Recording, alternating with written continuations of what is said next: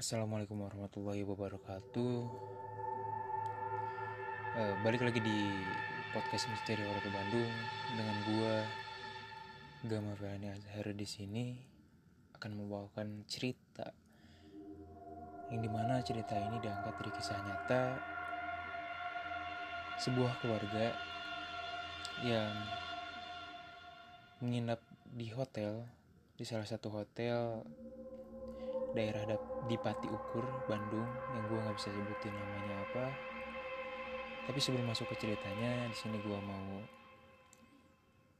uh, mengucapkan terima kasih yang sebesar besarnya buat kalian yang sudah apa yang udah mendengarkan podcast gue sejauh ini dan sedikit cerita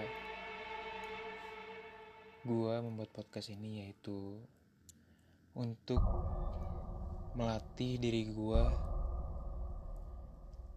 agar bisa berbicara atau ngomong dengan tertata gitu guys.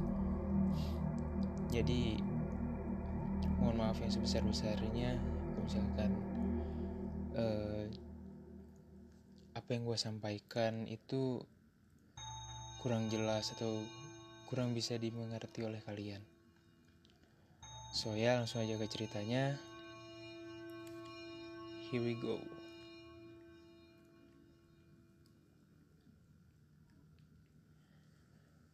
Diceritakan cerita horor kisah nyata ini terjadi sekitar tahun 2018 oleh sebuah keluarga yang berasal dari luar kota Bandung.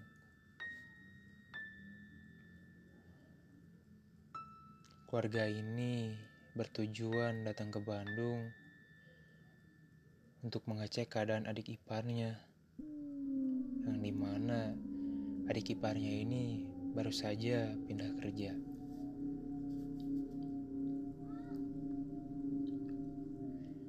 Keluarga itu terdiri dari suami istri, dua orang anak, dan satu adik ipar perempuan dari si suami.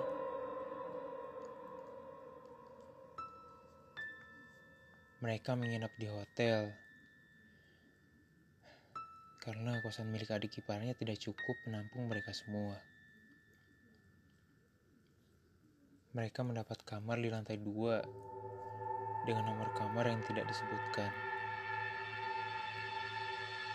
Lalu, sampainya di kamar, anak mereka yang paling besar, berumur lima tahun, dia mengatakan, ada staf hotel yang mengantar mereka lalu diikuti seorang nenek tua di belakangnya. Anak perempuan tersebut tanpa ada rasa takut mengungkapkan hal itu.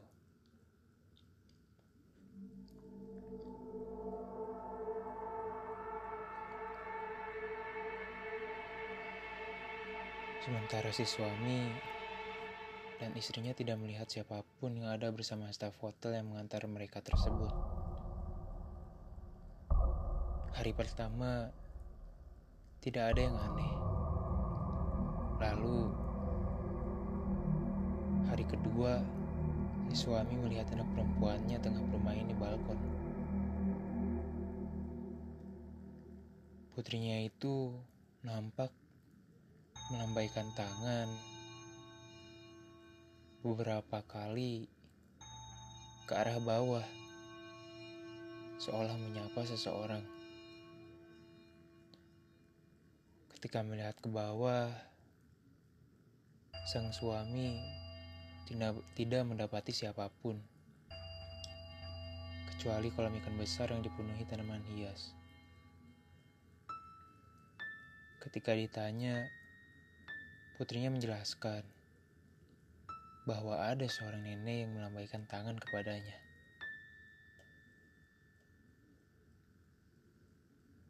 Arah yang ditunjuk putrinya ialah area tengah kolam ikan yang besar tersebut. Tak terasa sore menjelang malam pun tiba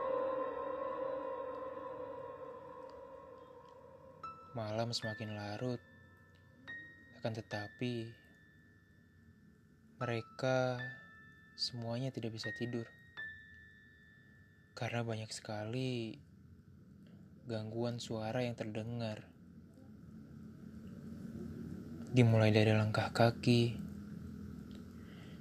ketukan, bahkan suara orang yang tengah berbincang. Semua suara itu berasal dari luar kamar mereka. Namun, ketika dicek, tidak ada siapa pun di sana. Hari ketiga, mereka meminta untuk pindah kamar. Karena terlanjur membayar untuk empat malam, sayang rasanya untuk pindah ke hotel lain.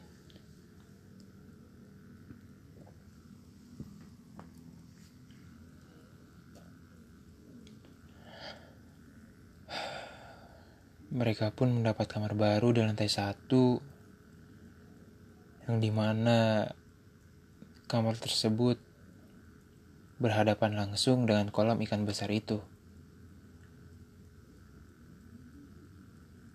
Dirasa lebih nyaman dan sejuk, mereka pun menerima kamar ini dan segera pindah ke sana. Lalu pada siang hari, Anak laki-laki mereka berusia tiga tahun. Tiba-tiba demam, badannya lemas, pucat, dan matanya merah. Dengan segera, mereka memberikan obat penurun panas, dan akhirnya berhasil membuatnya tertidur tapi tidak bisa nyenyak. Karena setiap 10 menit sekali pasti sang anak laki-laki tersebut terbangun.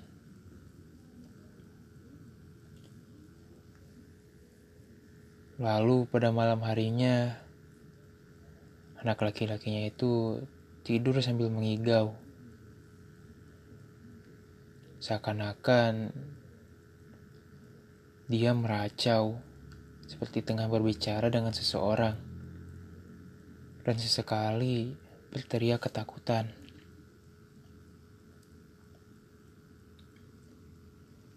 Beberapa kali anak tersebut bangun dan langsung menangis dalam pelukan ibunya. Hari menjelang pagi, lalu anak itu pun mulai tenang dan dapat tidur pulas karena begadang semalaman. Mereka pun ikut tertidur.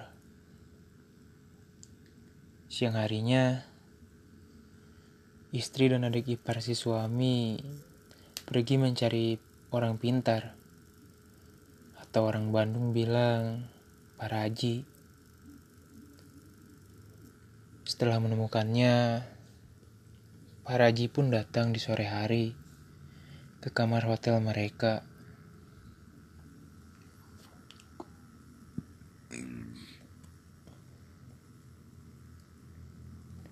Di ambang pintu, Pak Raji tersebut menatap kamar itu sekitar lima menit lamanya. Dia mengatakan, dalam bahasa Sunda tentunya seolah tengah marah kepada seseorang di sekitar kamarnya.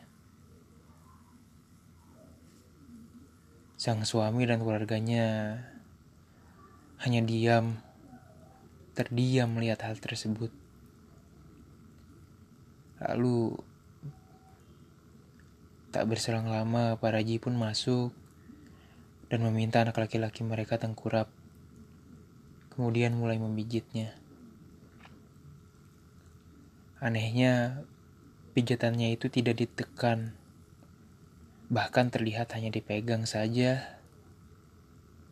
Tapi entah mengapa, anak laki-lakinya itu menangis dengan sangat histeris.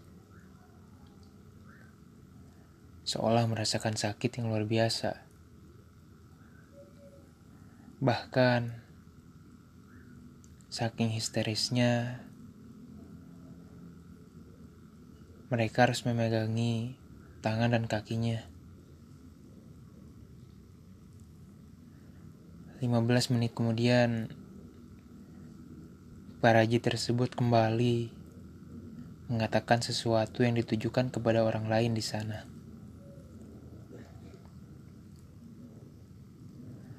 Setelah itu,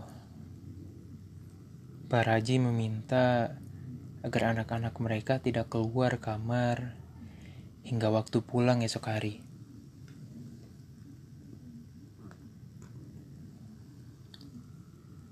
Paraji pun pamit. Pamit untuk pulang dan diantar oleh sang suami. Dan setelah di luar kamar, Paraji tersebut mulai bercerita bahwa kolam itu memang ada penunggunya. Dia sangat senang dengan anak keluarga itu dan ingin mengajaknya bermain di sana. Namun, penjaga kamar hotel yang mereka tempati ini tidak menyukainya. Lalu dibuatlah anak laki-lakinya tersebut sakit agar tidak bermain di kolam itu di kolam di mana anak perempuannya yang paling besar itu melambaikan tangan kepada seorang nenek-nenek.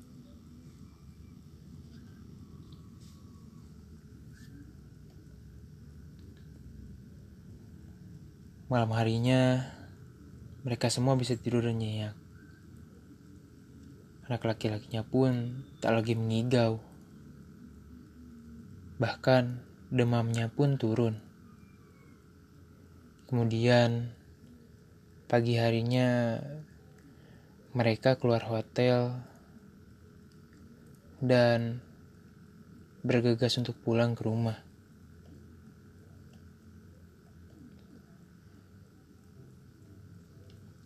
Oke teman-teman. Begitulah cerita horor kisah nyata yang uh, seorang keluarga yang menginap di hotel angker di daerah Depati Ukur Bandung di mana uh, hotelnya gue nggak bisa nggak bisa nyebutin ya. Yang pasti cari aja mungkin. Kalian tahu hotel yang ada kolamnya kolam ikannya gitu kan. Mungkin itu bisa jadi merupakan hotel yang ada dalam cerita ini gitu. Dan sedikit cerita gue juga ada pengalaman di hotel. Karena kan gue dulu SMK-nya SMK perhotelan ya teman-teman ya. Jadi dulu tuh gue pernah kebagian shift malam di mana gue masuk uh, sore sekitar jam 2 atau setengah tiga gue lupa. Sampai pulangnya itu bisa sampai jam 11 malam. Jadi lumayan lama lah ya. Tapi gak begitu terasa dan gak begitu capek juga karena uh, kalau di hotel gue disebutnya SR-an atau atau request dari tamu itu sedikit. Karena kan udah mulai malam tamu udah pada tidur. Dan gue pernah satu kali uh, sama senior gue waktu itu kan gue dulu apa PKL praktek kerja lapangan di salah satu hotel di Bandung juga. Tempatnya di daerah uh, Dago bawah lah ya gue gak, gak bisa nyebutin. Situ gue pernah malam-malam kebagian si apa kebagian tugas request dari tamu yang apa ya yang di mana requestan itu tugasnya untuk mengantarkan setrikaan. Sama ngebersihin kamar gitu. Nah si kamarnya ini kamar tamunya ini ada di lantai 5 ada di lantai 4 sama 5 nah pernah gua ketika naik lift naik lift khusus untuk uh, karyawan ya naik ke lantai 5 dan di mana si apa itu namanya tempat buat apa ya tempat nunggu liftnya itu biasanya kan nyala tuh. Tapi ini lampunya udah dimatiin. Nah oke gue nggak hirauin itu. Gue keluar ngasihin setrikaan itu ke tamunya. And then ketika balik lagi mau pakai lift karyawan itu lagi. Gak tahu kenapa si lampunya ini kedap kedip gitu. Padahal sebelumnya si lampunya itu udah mati. Jadi udah gelap banget di dalam situ di tempat biasanya karyawan naro apa naro linen naro kain naro spray kayak gitu-gitu. Entah mengapa di situ tuh si lampunya ini kedap kedip gitu. Gue kan otomatis takut ya. Bukan takut sih lebih ke waspada aja gitu. Jadi pas lihat wah kedap kedip nih. Gue langsung uh, berusaha untuk tetap santai stay cool walaupun dalam hati deg-degannya luar biasa nervousnya luar biasa. Sampai keluar keringat dingin sama keringat panas ya. Gue langsung berusaha stay cool stay calm berpikir positif walaupun kata orang Bandung mah amburadul ya tetap gue uh, enggak lewat situ. Tapi gue lewat hotel eh hotel tapi gue lewat lift tamu. Kalau lift tamu kan uh, biasanya harus pakai kartu kan kartu tamu misalkan. Kalau tamu yang menginap kan mau ke bawah scan dulu kartunya baru bisa mencet-mencet tombolnya. Tapi kalau nggak punya kartunya cuman bisa ke lobby doang. Nah yaudah gue ke lobby ke lantai bawah. Nah itu yang ada di front office langsung ngeliatin gue gitu kan. Kayak orang aneh gitu. Saya kan muka gue udah nggak karuan banget. Udah apa ya stay cool tapi keringet membanji, membanjiri gitu guys. Terus yang sama senior gue ini ceritanya lumayan ya lumayan serem juga. Di mana ceritanya ini gue ada di lantai 5 lantai 5 lagi. Di mana kan lantai 5 ini setiap lantainya itu dibagi-bagi gitu. Ada sayap kanan ada sayap kiri gitu ada sayap depan ada yang belakang. Kayak gitu gue kebagian di sayap kanan atau sebelah kanan lorong sebelah kanan dari uh, dari lift karyawan. Tempat masuk ke lift karyawan itu kan kalau lurus itu sayap depan kalau sebelah kirinya itu sayap kiri kalau kanan sayap kanan kalau belakang sayap belakang gitu. Pokoknya ada sebutan masing-masing lah itu sayap apa apa apa gitu. Nah si lantai 5 ini yang sebelah kirinya ini yang lurus ini itu ada tamunya semua. Kiri si lorong sebelah kiri ini ada tamunya dan depan juga ada tamunya. Tapi yang sebelah kanannya itu full kosong semuanya.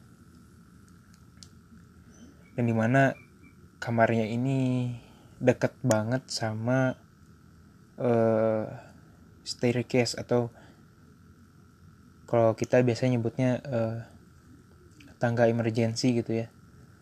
Nah gue di situ sama senior gue kebagian buat ngebersihin kamar yang di mana kamarnya ini belum sempat dibersihin sama shift yang sebelumnya karena kan ya tau lah ya perhotelan always sibuk gitu kalau pada waktu itu.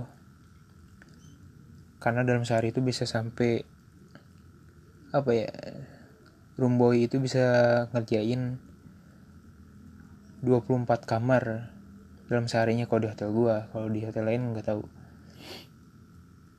Itu tuh udah termasuk sama kamar yang apa kamar yang ada tamunya terus tamunya minta dibersihin sama yang kamar check out. Nah gue kebagian bersihin kamar yang check out yang belum sempat bersihin sama shift sebelumnya. Nah akhirnya gue ke lantai 5 sama senior gue lewat lift karyawan lagi. And then masuk ke kamar tersebut yang dekat staircase itu